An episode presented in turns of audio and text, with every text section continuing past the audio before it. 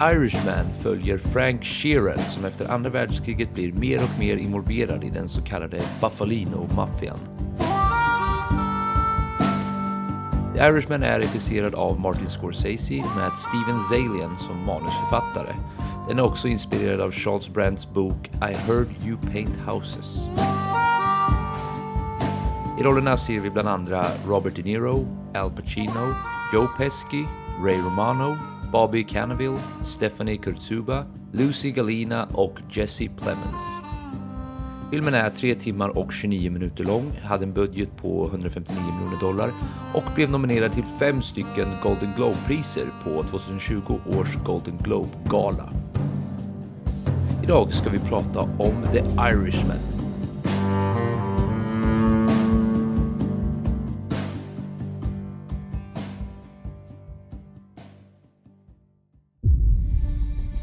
Far back as I can remember, I always wanted to be a gangster. The first rule of Fight Club is you do not talk about Fight Club. Did you eat all this acid? That's right. Music! What is real? How do you define real? More people than you think, and more people each day. This is a world getting progressively worse. Can we not agree on that? Det finns bara ett ord för sådana som du. Och det är ondska. English, motherfucker! Do you speak it? I am the danger. Get away from her, you bitch! Are you not entertained? Are you not entertained? Why so serious? Hej allihopa och välkomna tillbaka till Spoiler alert efter våran lilla jul slash nyårspaus som vi tog. Ja, Eh, har du sett något kul? Filmvägar alltså? eh, ja men lite allt möjligt. Parasite, eller Parasit, var väl en av de bästa filmerna jag såg nu under jul och nyår. Så det kan jag rekommendera starkt. Ja. Sydkoreansk film som finns att se på vissa biografer och annars eh, får man väl vänta en stund tills Ja. den kommer på, på andra ställen. Men den kan jag starkt rekommendera. Och som vi pratade lite om innan, eh, Golden Globe har ju nyss varit, literally nyss, Ja. det var ju typ igår va? Eller i förrgår eller något sånt där. Ja, förrgår. Ja, exakt. Nej, Och- vad är det för dag idag? Det Eh, var igår. Ja, exakt. Natten till igår blir det ju. Så. Ja, eh, för det är ju tisdag idag, eller hur? Ja, ja, exakt. Eh, men då fick ju den filmen i alla fall Best Foreign Film, eh, alltså Mm. bästa utländska film. Så bara det kan ju vara ännu en... Jag har ju för övrigt inte sett den själv, utan jag är väldigt taggad på serien nu, dels med tanke på vad du har sagt och att den fick en Golden Globe-statyett. Så ja, där har vi en rekommendation. Ja. Uh, ja, men vad kul. Ska vi, vet du vilket avsnitt det är? Ska vi nämna det kanske? Och säga vad vi heter har vi inte heller gjort. Det är avsnitt eh, 41. Ni sitter här med, eller så går ni, eller så tränar ni, eller hur ni nu konsumerar den här lilla miniprodukten vi har. Eh, ni sitter med Joel Keskitalo och Benjamin Gabrielsson. och det här är alltså avsnitt 41 där vi ska prata om The Irishman som jag Ja. nominerade. Precis. Och eh, det var ju för att det var så helt plötsligt dök den här filmen upp för, från ingenstans. För mig i alla fall. Jag hade inte hört Mhm. någonting om den tills den basically fanns på Netflix. och det var ju så jäkla mycket ståhej om det här. Ja. Så eh, alltså då, då måste man ju plus att hypen kring att den var 3 timmar och 29 minuter lång också gjorde ju också att så här wow okej. Mm. Nu, nu, nu blev jag ju verkligen nyfiken. Sen Martin Scorsese, Robert De Niro. Ja, den hade väldigt många såna här du vet. You should watch this thing. Ja. Så ja, det var det. Den, den helt enkelt dök upp. Hypen övertalade mig. ja, men vad kul. Ska du börja med lite spontana tankar när du ändå är i farten eller? Ja, absolut. Eh, och mina spontana tankar kommer sen att bli en större poäng också. För det är att jag är fascinerad över hur de här lyckades, det vill säga Martin Scorsese och resten av filmteamet, lyckades hålla mig så gripen. Vad säger man? De lyckades hålla fast vid min koncentration. Ja, du fattar. Ja, jag, ja. Jag, jag var väldigt med i filmen. Under just 3 timmar och 30 minuter. Ja. Så eh, spontant är jag sjukt imponerad över hur de lyckades med det. Och eh, jag tyckte den var riktigt nice. Alltså den var både rolig, den hade gangster-feeling, det var eh, välskrivna dialoger, häftiga karaktärer. Och jag tyckte att det funkade med 3 timmar och 30 minuter. Eh, så det är mina spontana bara. Så jag passar tillbaks det med viss vetskap att, ja, du får ju säga själv. Ja, nej men jag... Eh, spontant, jag, jag har skrivit så här i mina anteckningar. Jag kom inte överens med den här filmen. Okej. Nu så jävlar. det är väl Woo! någonstans där jag ställer mig. Jag vet inte riktigt. Jag, jag förstår ju liksom hypen, jag förstår ju allt kring det, men jag och filmen, det var som att du vet, man kommer till en fest och någon är såhär, den där snubben är skitskön, gå och prata med honom, och så går man och pratar med honom, Mm. och så klickar vi inte alls, det blir liksom inte bra, det blir bara dåligt, och så lite Nej, landar jag någonstans i, den, i, i det här. Eh, eller det ska jag inte säga att jag har gjort, för jag vill gärna höra alla dina tankar och se om jag kan bli, bli övertygad, Mm. men så landade jag spontant direkt efter filmen, att jag bara kände så här: nej, har jag har jag missat något? Men Mm. ja, nej, vi kan ju fundera lite mer på vad det beror på såklart. Ja, det är ju alltid intressant det här, för för det första mellan oss två så är det ju nice att vi för en gångs skull inte håller med varandra, för vi tenderar ju att ha samma filmsmak, vilket gör att vi ofta ser liknande saker och vi hyllar den på samma sätt och så vidare. Så det är nice. Men det är också nice eftersom du, och nu sa ju du i och för sig inte att du hatar den och så Nej, vidare, verkligen men att du ändå simmar mot en ganska stark ström här. Det är faktiskt eh, inte ofta som någon av oss gör, ärligt talat. Mm. Eh, så jag är sjukt pepp på att få utforska det lite. Men i och med att du eh, verkar vara den mer kritiska av oss så kan väl du börja Mm. om vi, vi dyker in på själva filmen. Så take it away, om du bara får eh, lägga fram lite snabbt. Vad, vad tror du det kan vara? Ja, men jag tror ju att mycket av det här, det var därför jag formulerade det sådär, att jag kom inte överens med filmen. Jag tror att mycket är att jag själv personligen kanske inte riktigt var med i matchen, jag kanske inte riktigt var, var, var koncentrerad nog, jag kanske inte riktigt var eh, ja, men öppen eller redo för den här filmen när jag väl såg den. Jag har ju haft eh, lite sådär, det har, det, har ju, det har ju känts i mig att jag har haft eh, men en liten uppförsbacke för att trycka på play på den här filmen. Jag har känt att ah, den är jävligt lång, jag vet ungefär vad det kommer röra sig om för tema och vad det kommer vara för karaktärer. Och jag har känt att nej, jag är inte liksom supertaggad på det här, men den är jättehyllad och den ska, det, är liksom, det är Scorsese, det är liksom allt det här. Så att man, man blir ju ändå så här, det är klart som fan, det här kan ju bli hur bra som helst, let's do it. Och som jag förstår det då så är ju detta någon slags ja, men avslutning nästan på en era av gangsterfilmer. Ja. Ehm, en era av de här liksom skådespelarna, De Niro, Pacino och, och så vidare. Och även då Scorsese som också börjar närma sig någon slags pensionsålder. Pesci Finns väl ingen riktig pensionsålder inom filmvärlden, men eh, jag menar, någon gång måste de ju sluta. Så att de, de är väl närmare där än någonsin, I guess.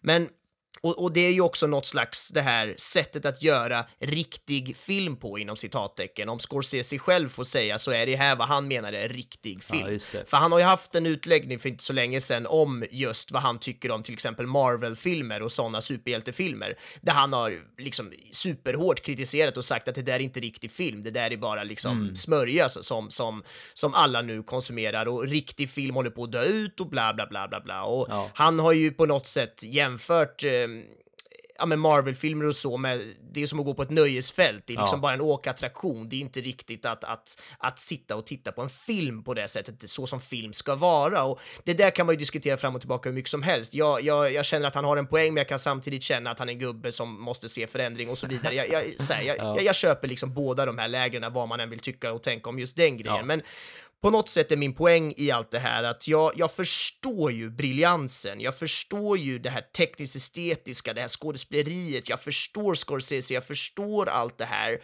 men jag personligen var nog inte riktigt mottaglig, eller var nog inte riktigt med på, på, på det här. Jag, jag, de, den fångade inte mig så där bra som den verkar ha fångat 99,9% av alla andra människor på det här jordklotet som har sett den här filmen. För jag har fan försökt hitta en dålig recension på den här filmen, det går typ inte. Alla älskar den. Blint. Det är så här, ja okej, kul för er då. Men kan ingen ens försöka hitta något kritiskt? Nej, jag har, jag har verkligen inte hittat någonting. Och jag vet ju inte riktigt själv vad det är. Jag har ju egentligen inte en så här perfekt så här, Kritik. det här är varför jag inte gillar den, eller det här var varför jag hade svårt för den, utan det är väl bara så att jag inte riktigt var i mode, eller jag klickade inte med det. det. Du hör ju själv hur osäker jag är och det är Ja, jag därför jag, nästan vill här bolla tillbaka till dig för att Mm. ge dig nu nästan, jag höll på att säga resten av podden, det var att ta i, men du får, du, du får nu liksom fritt fram för att bara lägga upp Mm. nu, smörj in mig. Vad är det jag har missat? Vad är det som du finner briljant med den här filmen Mm. till exempel? Ja, men alltså jag tycker det är en jävligt intressant eh, ingång på det här avsnittet. Och jag tycker vi kan faktiskt Mm. eh, se det här avsnittet avsnittet i lite i den eh, kontexten här att eh, det jag vill lyfta fram nu är ju framförallt varför jag tycker att den funkar. Så det här blir ju lite att jag, alltså visst, det är klart du har ju din åsikt och så vidare, men det blir lite att jag, vi får jämföra lite här. Jag får försöka övertyga dig hur jag ser på det här och sen vill jag höra din input med varför du då kanske inte tar till det lika mycket. Ja. Jag vill till exempel ställa frågan till dig i början. Tycker du att den här filmen stundtals var svår att hänga med i? Det beror på vad man definierar som svårt. Ja men typ så här, alltså det, det är väldigt mycket karaktärer, det är väldigt mycket namn, det är väldigt många som ska möta varandra på olika platser, det är väldigt, någon ska skjutas, det är kodat för att någon ska skjutas, man är helt plötsligt i Florida, man är helt plötsligt där borta. Så in terms of allt svängande liksom, hur upplevde du det? Ja, nej men det kan jag nog förstå, då, då kan jag nog hålla med om ordet svårt ändå. För att jag, jag tyckte det var lite krångligt, jag tyckte det var lite luddigt. Och jag tyckte framförallt att det var svårt för mig att hålla en jämn koncentrationsnivå som ändå krävdes för att hänga med på alla de här svängningarna. Ja, nej men det är för jag skulle precis komma till den punkten. Jag tror att det här är en sån där film där det är väldigt, eh, alltså, jag, jag är kluven i vad jag tycker lite här också, du får mig att börja tvivla också, men så här, jag tror att det här är en sån där film man till viss del behöver hänga med var, vad det är som händer, vilka som är vilka, vad det är de pysslar med och så vidare. Eftersom den är så karaktärsdriven. Ja. Eh, och eh, vi brukar prata om dialogdriven, actiondriven, karaktärsdriven och så vidare. Och eh, de här flyter ju väldigt mycket in i varandra. Det är, liksom, det är ingen film som bara är del... Ja, det finns det väl såklart, men ja, åtminstone inte den här. Eh, och jag skulle vilja hävda att den här är väldigt karaktärs och slash dialogdriven då, då. men att karaktärerna i och med att de får så mycket spelrum här, 3 timmar och 30 minuter, så kan en karaktär introduceras en timme in och fortfarande spela ganska stor roll på storyn. På samma sätt som att en karaktär kan introduceras i första timmen och sen inte spela någon roll resten av storyn. Och jag tror att det här kan göra att det blir ganska överväldigande. För vanligtvis, eller så här liksom tror jag att, eh, alltså så här. Jag kan relatera till det här för jag till viss del känner det här också och det var därför jag egentligen ville lyfta vad jag tycker de gör bra med det här. Men jag kan lätt se att det skulle kunna vara en dålig grej också. För anledningen till varför jag gillar det här väldigt mycket är för att jag känner verkligen att jag hänger med. Och varför gör jag det? Jo, det är för att jag gillar strukturen i hur de berättar den här filmen. Att eh, det är ungefär som att Martin Scorsese är till viss del medveten om hur svår den kan vara att hänga med på. Eh, och det är, till, det är till och med lite metahumor över det här när en av karaktärerna, jag kommer faktiskt inte ihåg vem det är som säger det, eh, han säger att alla heter ju för fan Tony. Tony hit och Tony dit och Tony, du Ja, vet så här, just ja. det, det, det för mig ser jag som ett litet meta, vad heter det, perspektiv på det här. Att faktiskt. ja, till och med inte ens karaktärerna i filmen kan riktigt hänga med på vilka som är vilka. Tony who? Eh, you know the Tony. Ja, Tony precis. who? Alla heter Tony bara. ja, så, men i och med att vi har eh, Frank Sheeran heter han ju, det vill säga Robert De Niros eh, huvud, här, karaktär, att han sitter som en narrator Ja. i bakgrunden. Det är ju liksom hans hans liv vi tittar tillbaka på. Mm. Där är det en viktig pusselbit som jag, alltså hade den inte varit där, då hade man, då tror jag inte man definitivt hade hängt med på alla svängar. Alltså han som narrator. Precis. Eh, och sen för att fortsätta förtydliga det här så sätter de dessutom namnplåtar på nyintroducerade karaktärer. Där de också tar eh, liksom cause of death, typ att han blev ihjälkörd oh, 1989. Eh, vilket då ger oss en historisk återkoppling. Vilket egentligen är någonting som jag tänkte gå igenom lite senare. Det här, hela idén med att det här är ju faktiskt riktiga händelser. Eh, men också det, det förstärker också vikten vid var alltså att det här var ändå en karaktär som är värd att pay attention to. Eh, och som sagt, jag tycker att det här funkar. För jag hänger verkligen med. Men det är ett lager av an, eller så här, koncentrationsansträngning. Eh, och så här, det kommer låta som jag kallar alla idioter, inklusive dig. Eller det är ju bara, bara dig i så fall eftersom alla andra eh, gillar Ja, den här. Nej, men- exakt. Alla andra. Det är ju bara jag. Bara jag. Hela världen. Poängen är i alla fall att jag tycker att den funkar just för att den är väldigt bra på att få oss att hänga med hela tiden. Jag säger inte att den gör den perfekt, för jag ska vara helt ärlig, jag satt ibland och googlade vissa typer. Eh, bara för att jag, jag, jag kände verkligen att jag, jag måste, vem fan är det de pratar om här? Eh, det händer inte ofta, men när det väl hände så kände jag att det var ganska viktigt för mig att kolla upp det ganska snabbt. För jag tror som sagt att mycket vilar på just det här, att man hänger med mycket i alla de här svängarna. Eh, så om jag bara får slänga upp det som en liten eh, tes här nu att en av anledningarna till varför du och fler kanske inte riktigt gillar det lika mycket är för att det svänger jävligt mycket. Det går jävligt fort i jävligt många tonys och ibland är det svårt att hänga med helt enkelt. Tror du det kan vara någonting som, eh, Eh, liksom ligger i linje med din kritik. Absolut, det tror jag verkligen. Jag tror att nyckeln här som du är inne på är just att man ska hänga med och vara koncentrerad och hela den biten. Och jag har ibland svårt att koncentrera mig om jag själv inte är 100% dedikerad och intresserad. Och jag tror att det var någonstans här eh, i, i, i, ja men kanske en eh, en femtedel in i filmen där jag började tappa min koncentrationsförmåga. Jag tog upp telefonen ett par gånger, det är väldigt olikt Mm. mig, jag brukar inte ta upp telefonen i en film, men jag märkte det och tänkte wow, vänta, det här betyder någonting. Jag har svårt nu att hänga med för att jag har svårt att hänga med. Alltså det var så här, varför är det jag inte riktigt hänger med nu? Eller varför är det jag tar upp telefonen? Mm. Ja, jag, på något sätt så, så tappades mitt intresse där och det beror ju säkert på att det, som du är inne på, det var väldigt mycket och jag kanske inte riktigt hängde med och det gjorde att min koncentrationsförmåga tappades tyvärr. Så det, det kan nog absolut ligga något i det. Men, eh, alltså så här, det, det här är lite så här catch 22. Det är så här, förlorade du...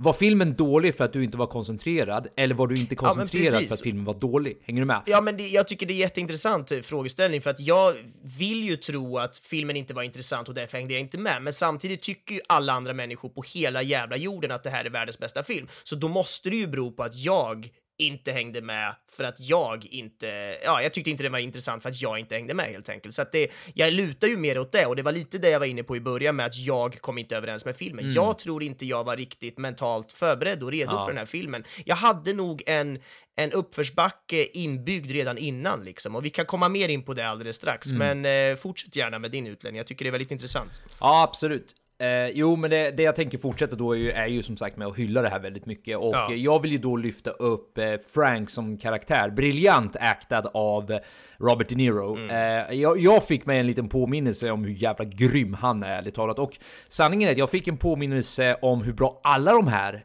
eh, är slash har varit en gång i tiden. Alltså hela den här filmen är ju som någon sorts pension. Ja, som du nämnde lite tidigare, att det, det är liksom mer än bara de här karaktärernas liv som är på väg mot sitt slut. Det är liksom de personerna bakom karaktärerna. Alltså det är manusförfattaren, eh, vad heter det, Martin Scorsese, regissören, skådespelarna. De är ju också bokstavligt talat på väg att Ja. liksom bli äldre och lämna den här världen och så vidare.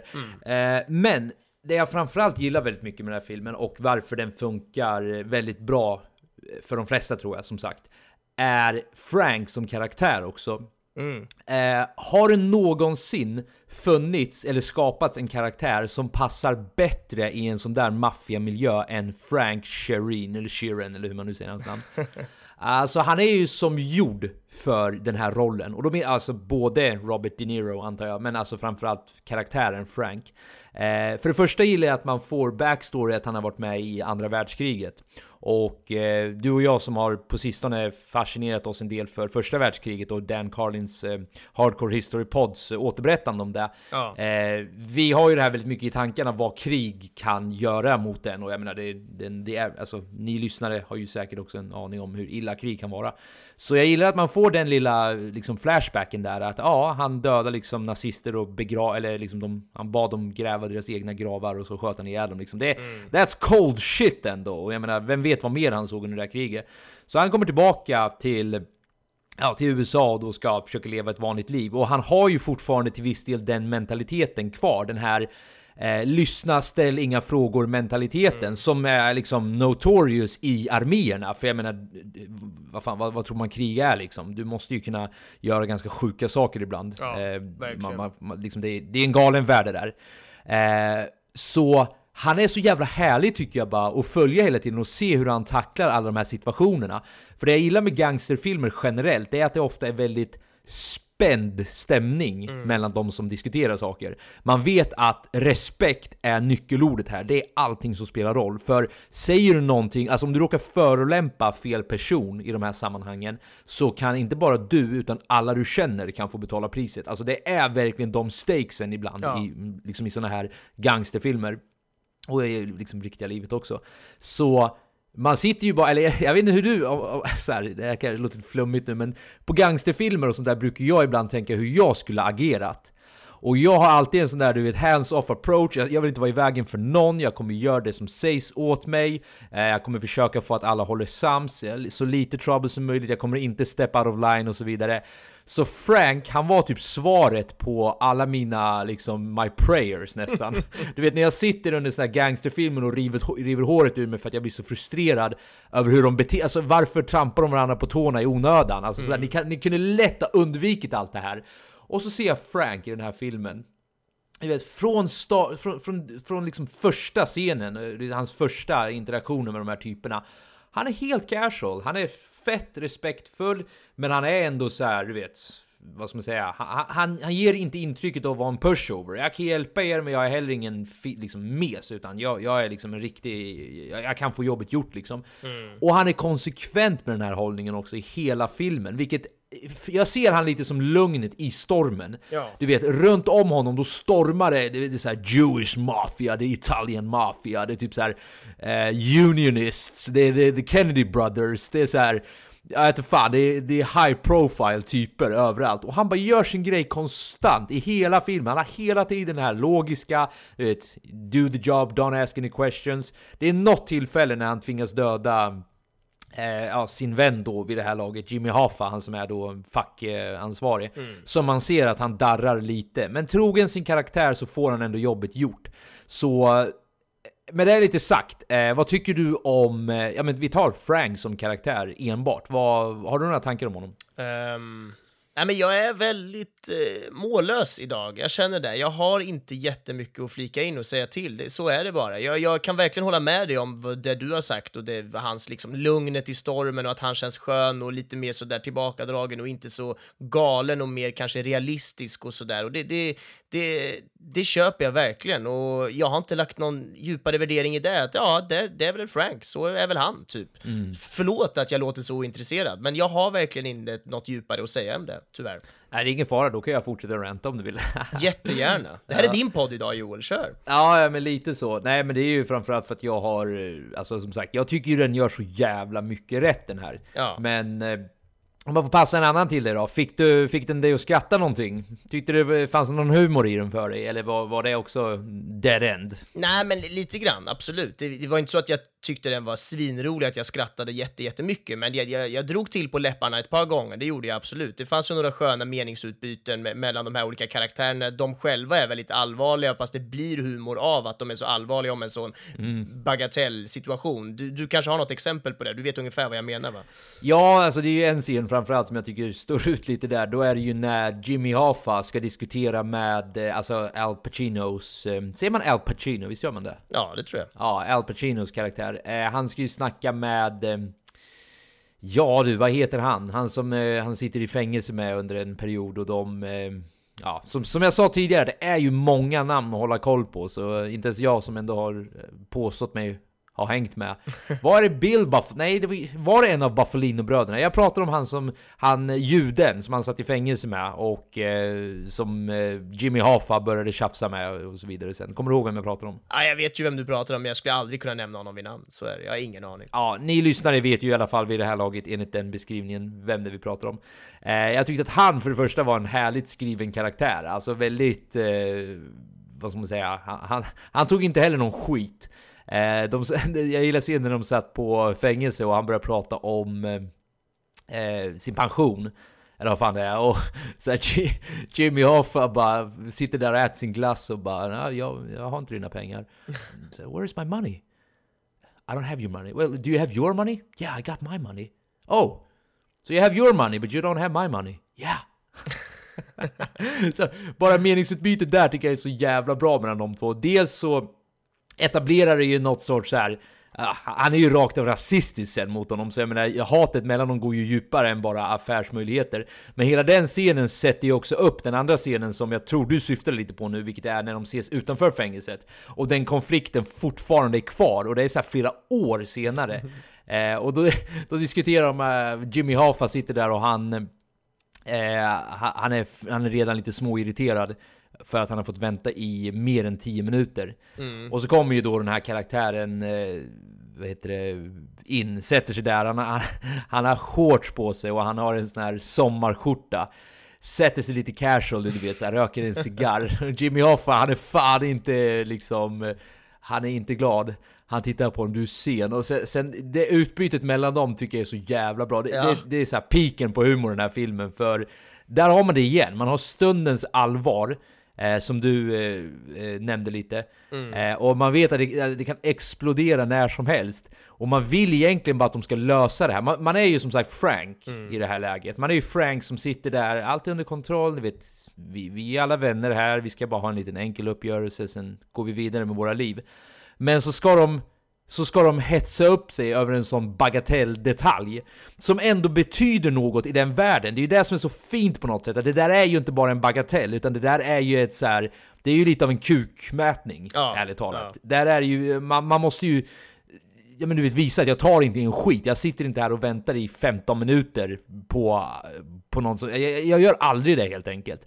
Och medan då den andra snubben hävdar att jo, det, jag tycker det är rimligt för du får adjust for traffic. Så dels är det en rolig scen tycker jag, men dels så är det också en så här psykologisk kraftmätning mellan de här två. Ja, verkligen. Och det är just den där typen av humor som jag var inne på. Jag är glad att du tar upp sådana exempel, för jag har ju så svårt att komma ihåg exempel ibland från filmen. Men det, det där är ju klockrent. Alltså, just den där allvarheten och sen humor som bara glider in i det, för att de knappt tycker... De tycker inte det är roligt. Det blir roligt för oss för att de är så allvarliga om någonting som Ja. egentligen är såhär, what the fuck, come on guys. Ja, Nej, det är och- klockrent. och Samma sak när, alltså som sagt det finns hur många exempel på som helst på det här, när just återigen kontrasterna mellan allvar, stundens allvar och då humor i det.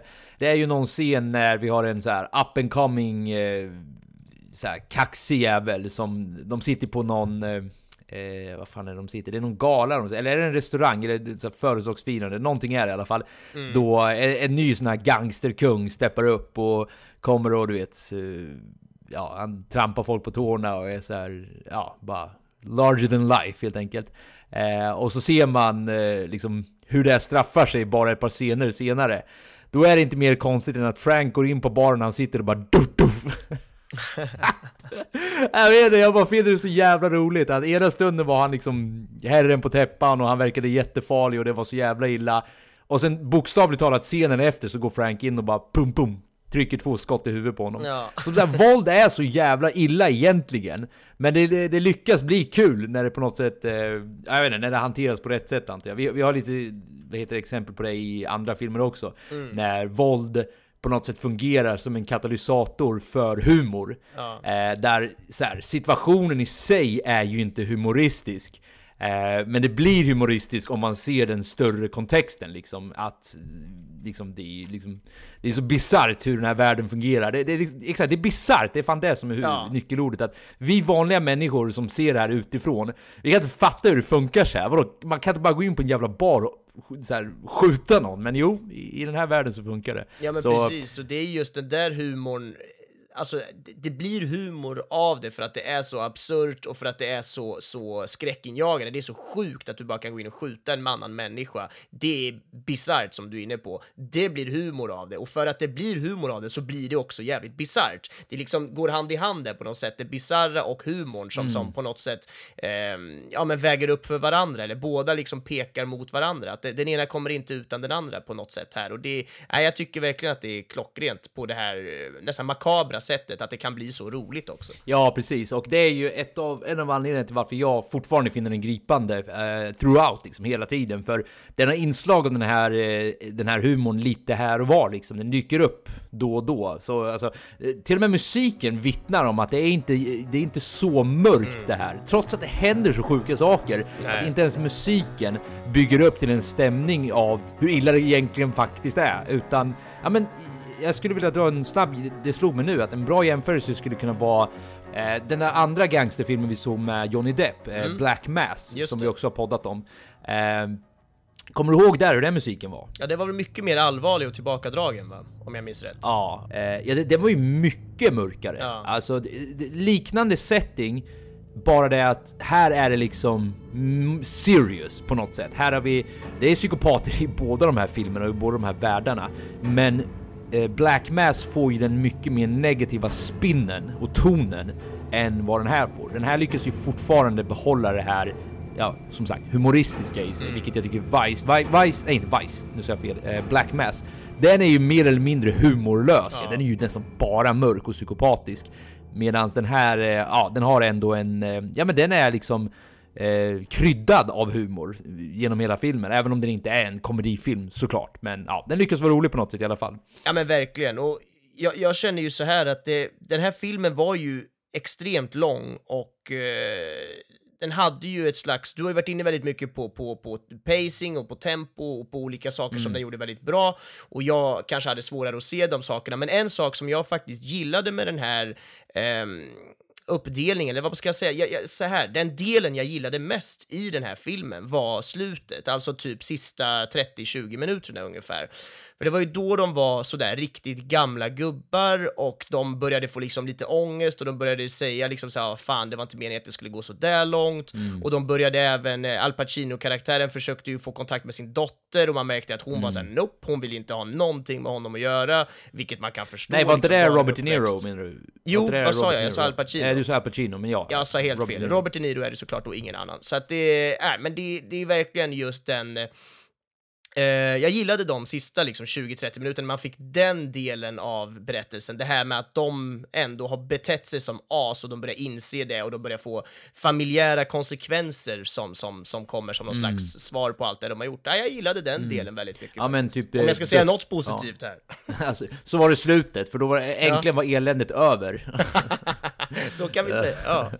Nej men alltså, ja, jag, jag håller ju också med om den punkten, absolut. Eh, det, var det, det var lite det jag, vad heter det, lutade mig mot förut när jag sa att det här är som en pensionering för samtliga skådespelare också. Ja. Eh, jag, jag såg hela den scenen på något sätt som att det här är slutet av en era i dubbel bemärkelse. Det, är slutet, det är slutet av en era i och med alltså för filmkaraktärerna, alltså deras era är ju över. Men det är också slutet, snart kommer vi inte få se de här skådespelarna så jättemycket mer. Joe Pesci, en, en av grejerna jag ska berätta sen i Trivia, han vill egentligen inte ens vara med i den här filmen för att han har pensionerat sig. Han var tvungen att bli eh, så här, superövertalad innan han gick med på det. Och jag menar, Robert De Niro, han är säkerligen med i ett par till och Martin Scorsese kommer göra ett par till. Men man undrar ju om 10-15 år framöver om de här då fortfarande kommer vara särskilt eh, aktuella. Så det är lite sorgligt på ett plan. Alltså, jag menar, jag kollade igenom Martin Scorseses eh, eh, filmlista, eh, eller Ja. alltså lite snabbt vilka han har... bra och- CV.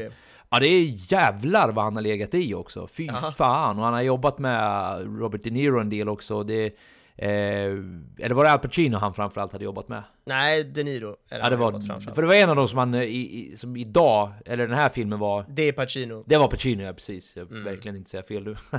eh, nej men så, ja, jag håller med dig. Den scenen var vacker på något sätt. Att eh, dels karaktärerna kom ikapp sig själva lite med att, ja fan, det är, det är segt. Ja. men också då att, eh, ja det är också tråkigt att det här är ju våra, alltså jag sitter bara och väntar på att Michael Caine ska dö och typ sån här Ian McKellen och såna där. Jag, jag är typ rädd för att den dagen kommer komma snart. Alltså det här är alltså Mm. Ja. Gandalf. Men det är hela den generationen. Ja, tyvärr. precis. Det är, Det är- den, den håller ju på att, att avvecklas Avvecklas. Myggas av är väl det korrekta ordet. Ja. Och det är väl det de håller på att göra. Och, och det är väl okej. Det är så tiden Ja, har sina spår. Det, det får vi leva med liksom. Ja, och nya stjärnor dyker upp och så vidare. Ja. Eh, och du ska snart få prata som in i helvete. Du, du, du har mycket kompensation att göra här Benjamin. Ja, verkligen. Eh, nej men skämt åsido, jag vill bara ha en sista grej sagt. Eh, En liten grej som Ja. jag också uppskattade väldigt mycket. Att i och med att det här är en verklighetsbaserad eh, berättelse Mm. så var det ju också nice att vi fick våra verklighetsbaserade, eller alltså verkliga händelser dyka upp här. Det var till exempel nice att få se Kennedy, Kennedy-bröderna. Dels Robert Kennedy som var en, ja, som var en åklagare och verkligen gjorde Ja. eh, twist i det som händer i filmen. Men också att vi fick se John F Kennedy och mordet på honom och Fidel Castro och hela Cuban crisis och allt det där. Det var, det var jävligt uppfriskande att, eh, eller jag vet inte om uppfriskande är rätt ord, men jag uppskattade det väldigt mycket i alla fall. Att eh, de vävde in de här och det är kanske no shit Sherlock, för att det här hände ju faktiskt de här karaktärerna. Men jag tyckte ändå det var nice hur de liksom vävde in de här riktiga händelserna i den här storyn och fick det att funka väldigt bra. Så det var ännu ett litet plus i kanten för min del. Mm. Nej, jag håller helt med och jag ska inte försöka säga någonting jag inte har någonting att säga om ändå. Så att jag, jag eh, instämmer helt enkelt.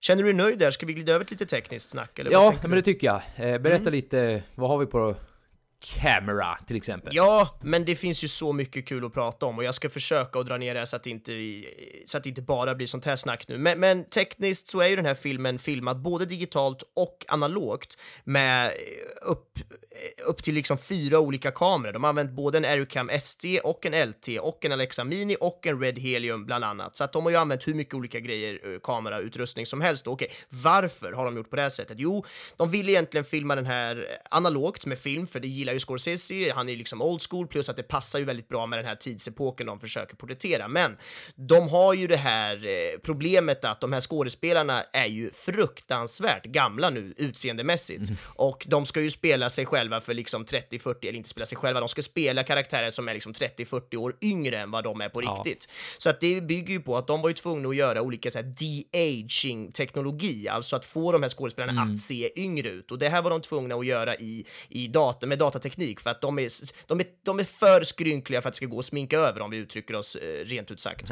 Ehm, så att man behöver använda CGI helt enkelt, dataanimering för att få de här skådespelarna se yngre ut och då måste du använda digitalt. Det går inte att filma med analogt. Så att alla de här scenerna där det är liksom närbilder på, på Robert De Niro, Pacino och de här gubbarna, då är det ju eh, filmat digitalt då. Och det de har gjort som är väldigt speciellt är att de har byggt en speciell kamerarigg då som, som som uppfanns i princip inför just den här filmen och de kallar den The Three-Headed Monster eh, som alltså bygger på att du har tre kameror samtidigt som filmar. Du har en digital kamera som filmar liksom huvudmaterialet, det är där vi sen kommer få titta på. Men du har också två referenskameror som sitter på sidorna som filmar i infrarött.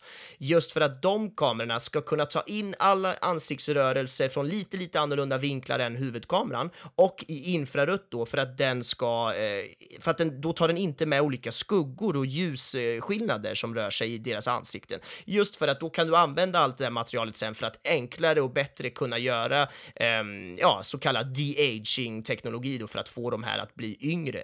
Ehm, och eh, det hade gått att göra på ett enklare sätt om man ville. Om man vill slippa jobba med så här många olika kameror och infrarött och grejer, då hade man kunnat jobba som de gjorde i Captain Marvel till exempel. Samuel Jackson är ju med i den filmen och han spelar ju väldigt mycket yngre där och har, de har använt en de-aging-teknologi också.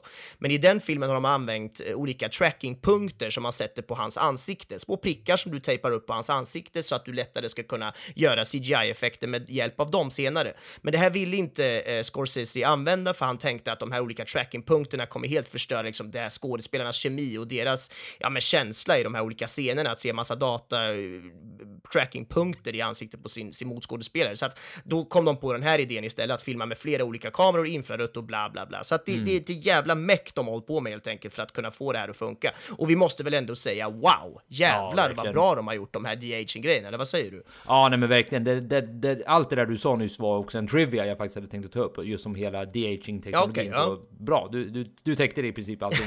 eh, nej, det är ju helt otroligt. Alltså hela den där teknologin är ju så jävla fascinerande. Alltså när det görs bra, alltså Mm. Ja. det är också hårfint. För görs det dåligt, då, alltså, då är det verkligen riktigt dåligt tycker Mm. jag. Det, det är verkligen alltid, antingen får de till det perfekt eller så är det inte alls bra. Då ser det bara awkward ut om jag ska vara helt ärlig. Ja. Men eh, nej, det är bara att liksom ta av hatten. Och här, här går det också Ja. att göra en jämförelse med eh, Black Mass. Nu gjorde inte de de-aging teknologi där, men jag bara eh, kommer du ihåg då att eh, du var lite på Johnny Depps ögon i den filmen? Alltså Ja, han hade ju ja. linser och grejer. Och, Ja. exakt, och, och du tyckte att det såg lite off ut och i Ja. efterhand så håller jag faktiskt med dig om det. Och jag tycker man kan jämföra med hur Frank såg ut i den här som också använde linser på ett liknande sätt, men där det funkade. Det så, han såg liksom inte ut som en vampyr utan det, man, man noterade det kanske, men det var ändå ett rimligt tillslag om man skulle få honom att se yngre ut. Så ja, jag är väldigt glad att du nämnde hela de-aging grejen. Mm. Men eh, ja, jag håller med dig. Det, det är en fascinerande teknologi som, eh, alltså vi får ju se hur mycket den kommer användas framöver. Men eh, ja, riktigt nice. Ja. Det kanske är sv- svaret på,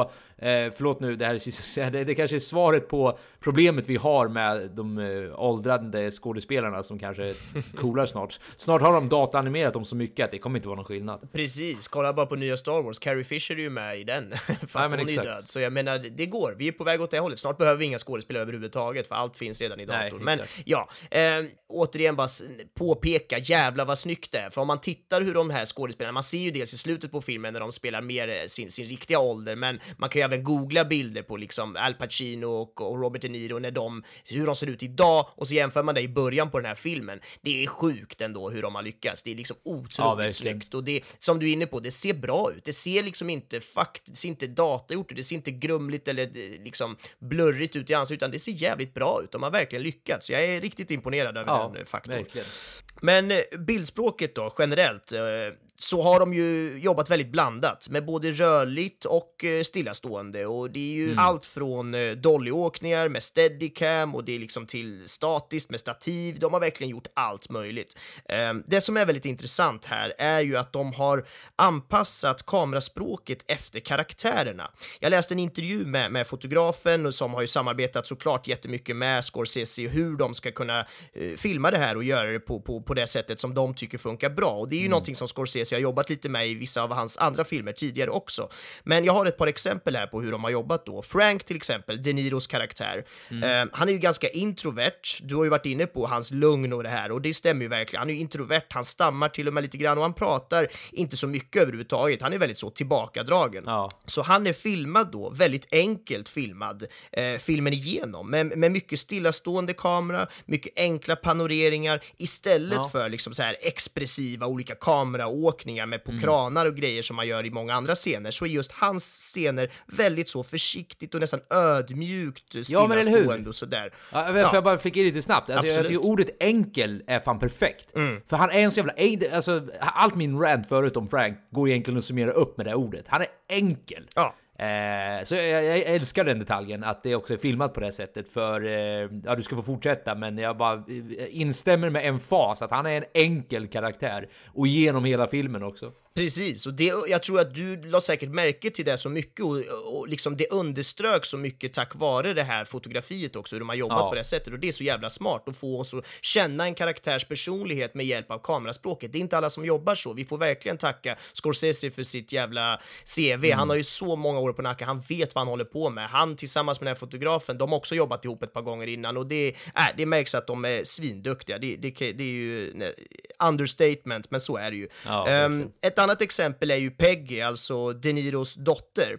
Eh, hon är ju filmad från hennes mer liksom observerande och oförstående perspektiv. Till exempel när De Niro tar med henne till den här butiken för att spöa upp den här snubben som Ja, jobbar det, som där. rört Hon har ju tydligen blivit puttad eller någonting eller, och, ja, och, och han kommer ju hem, han lackar ju, han är såhär vadå, Vi- har han rört dig? Did he touch you? Okej, så går de ju dit och du vet, så då i den scenen där så så, st så ställer ju hon sig utanför, han säger åt henne att vänta och så går han in och börjar puckla på den här snubben.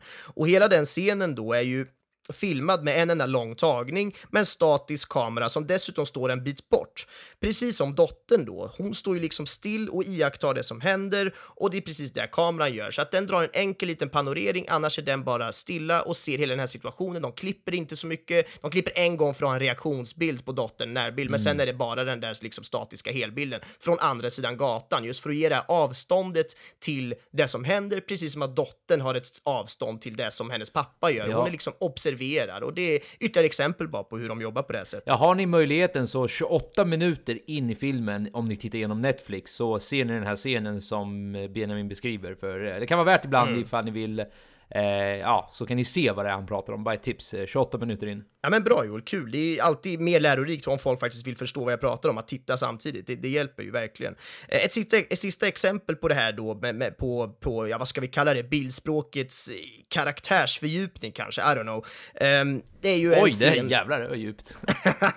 ja, men om man, det, jag tyckte ändå att det blev ganska bra. Bildspråkets karaktärsfördjupning, Mm. för det är ju basically det de gör. De fördjupar karaktärerna med hjälp av kamerarbetet. Fantastiskt. Um, ja, men ett sista exempel på det då är ju till exempel en scen som är precis innan det här med dottern och butiken.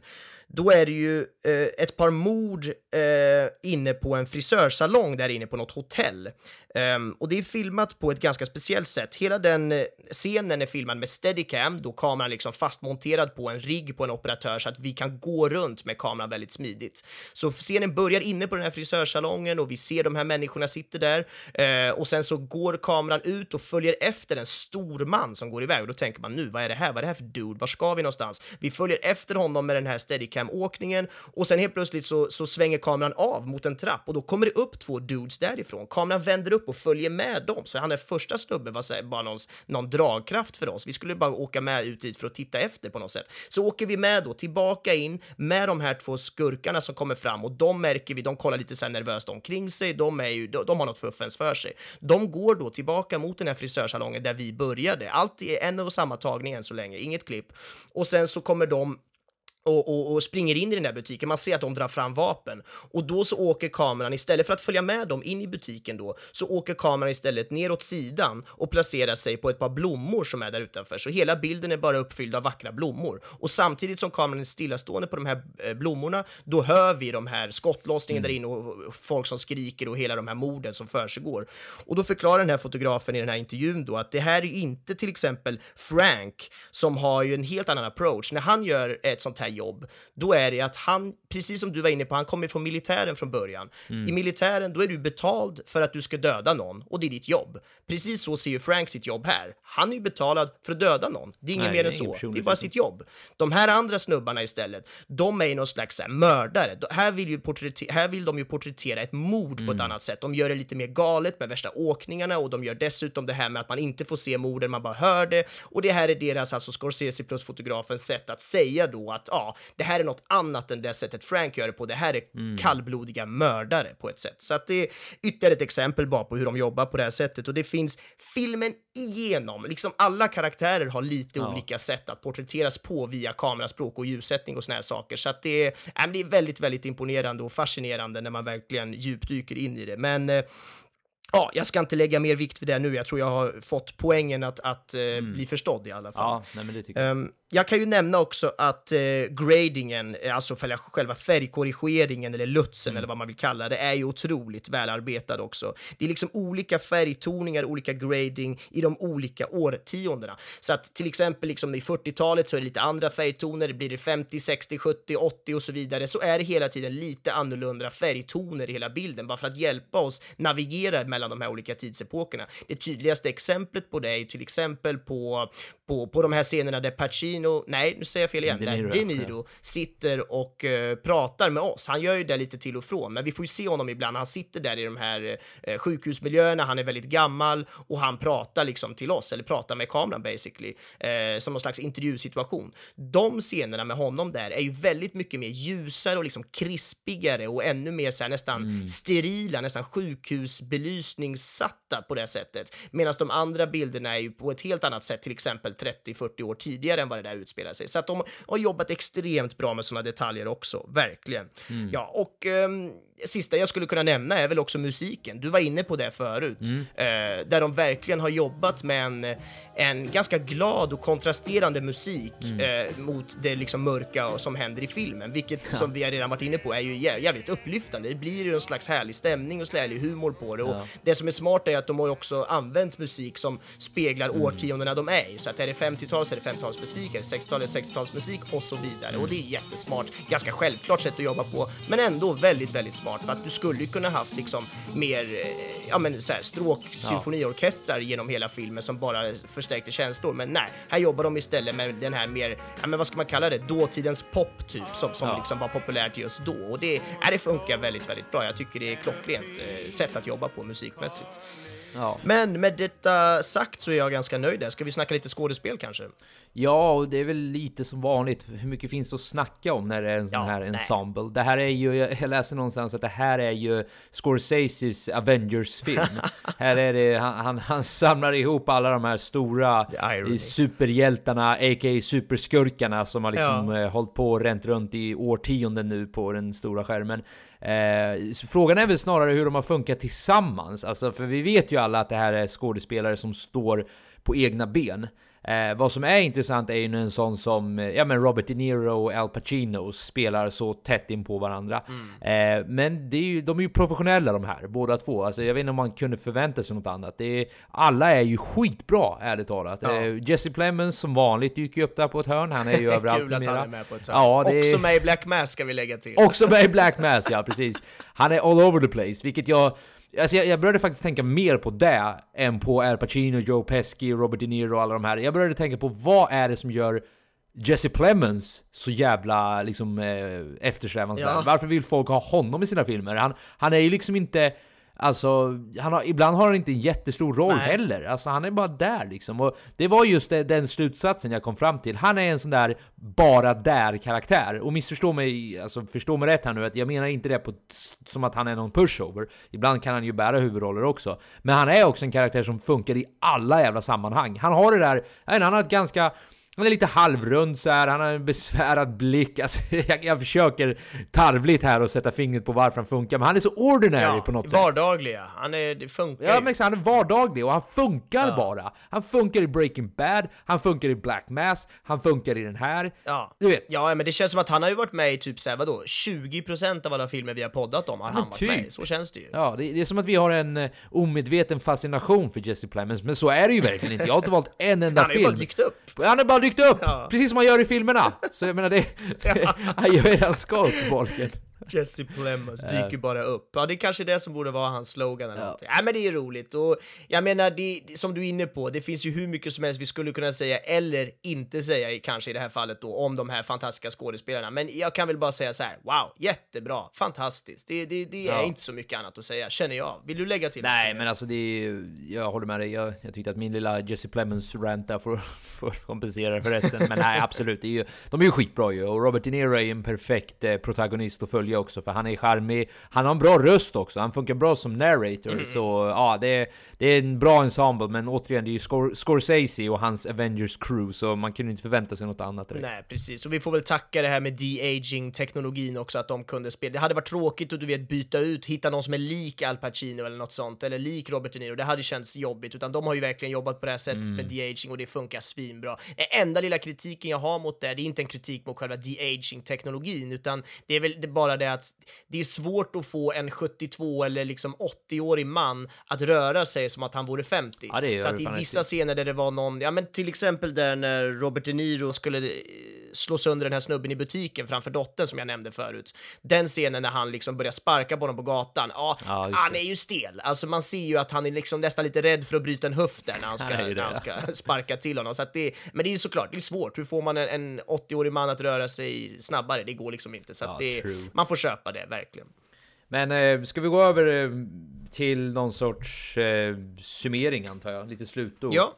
Eh, jag tycker du kan få börja bara för att, eh, ja, dels efter den här diskussionen vi har haft nu, efter att jag har lyft några grejerna jag tyckte om, eh, ja, och med tanke på din ursprungliga kritik, så Mm. hur skulle du summera det här bakom dig nu? Ja, men jag skulle säga att min bild av filmen är ju mycket mer positiv nu än vad den var direkt efter jag hade sett den, mycket tack vare allt det härliga du har lyft upp. Det har ju fått, det har ju kastat ett nytt ljus över filmen, så är det ju. Men jag kommer ändå stå fast vid att jag kanske är en person, jag lägger väldigt mycket det här på mig till skillnad istället för att lägga det på filmen, men jag tror att jag är väldigt mycket en person som, jag gillar ganska mycket ny film. Jag har ju tröttnat mer och mer på gamla filmer och det här är ju en ny film, men den utspelar sig lite på det här gamla sättet. Det är ju en klassisk gangsterfilm, i alla liksom Ja. Gudfadern eller eh, Goodfellas eller vad man nu vill jämföra med. Men så att det, jag tror att jag är lite trött på hela den där gangsterfilmseran och, och jag har inte så mycket jag kan relatera till där. Jag tycker att det är lite uttjatat och jag gillar saker, jag gillar andra filmer helt enkelt. Eh, och då menar jag inte Marvel då som är liksom det här,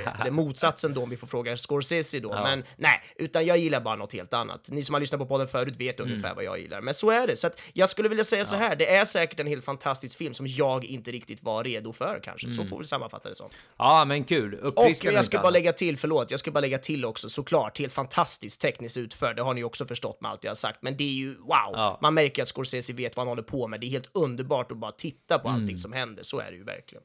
Men då, då kan väl du ta en favoritscen också innan jag går över till mitt. Har du någon favoritscen? Ja, men jag kommer välja den där med, med, med blommorna och den där långa steadicam-åkningen Mm. där i, i, i, i korridoren där och allting. Jag tycker den är väldigt häftig för att den är en och samma tagning och den känns väldigt Scorsese på det sättet att han går ner och lägger kameran på de här blommorna istället för att visa det där våldet Mm. som pågår inne. Vi hör bara våldet och det, är det var något väldigt härligt i hela den scenen, Mm. så den väljer jag. Ja, eh, jag började ju podden med att berätta varför jag tycker att den funkar. Att eh, mi- min eh, huvudpoäng med allting eh, i, när jag skulle planera vad jag ville säga i den här podden var hur man kan få tre, tre och en halv timme att fungera och liksom hålla sin publik eh, liksom, ja, jag, hade, jag hade problem att phrasa det här i början på podden och jag har fortfarande problem att phrasa det. Men hur man kan få människor att liksom förbli intresserade i en sån här lång rulle. Ja. Och jag pekar framförallt då på att eh, jag gillar hur den är strukturerad, att vi har liksom många karaktärer som vi ändå blir påminda om och vi har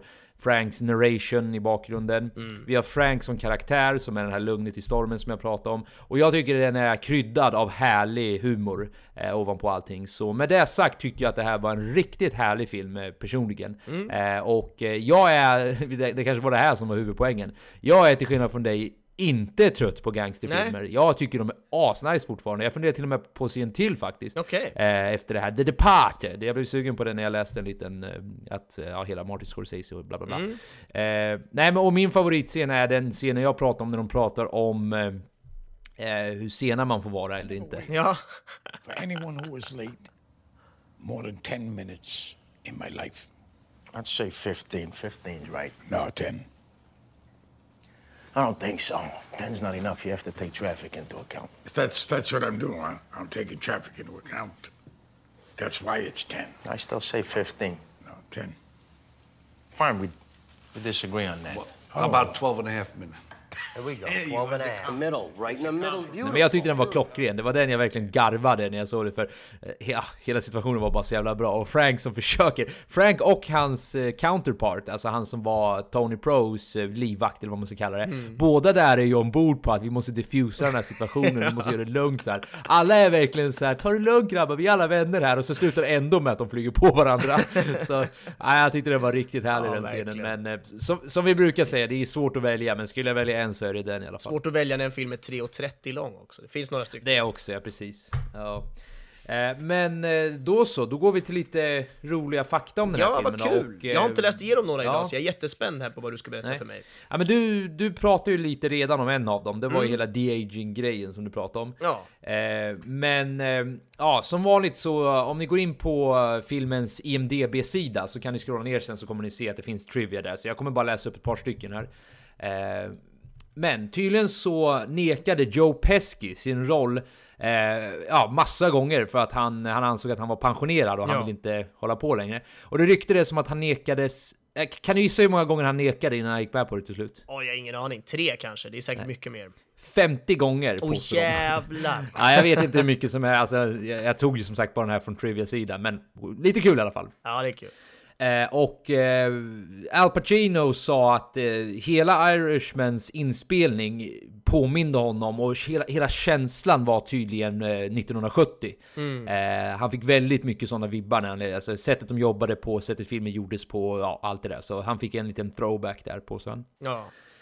En annan kort, Robert De Niro tyckte att eh, filmen skulle hetat, eh, eh, eller ha samma namn som boken som den var baserad på, det vill säga I heard you paint houses.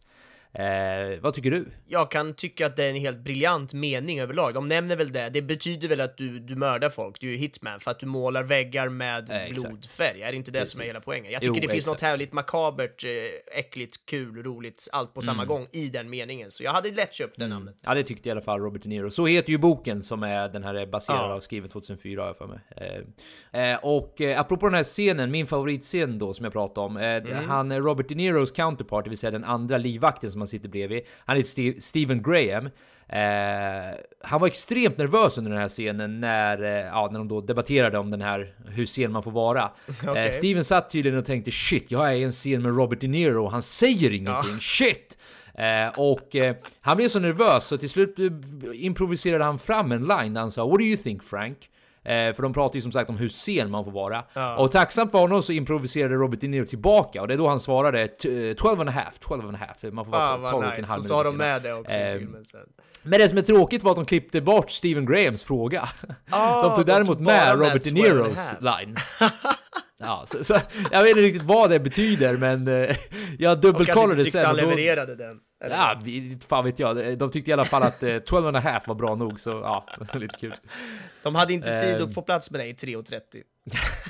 Alltså jag kan tycka att det, nu när jag läste upp det, jag kan tycka att det är skit elakt ärligt talat. Det var typ hans moment. Han, han, typ, han var ju supernervös, starstruck vet du, och så klipper de bort kanske honom. ville Bara, "Eh, Bra jobbat! Men, något." men låt Robert De Niro, ja men exakt, låt, Robert De Niro sköta jobbet här. Du, du har gjort ditt liksom.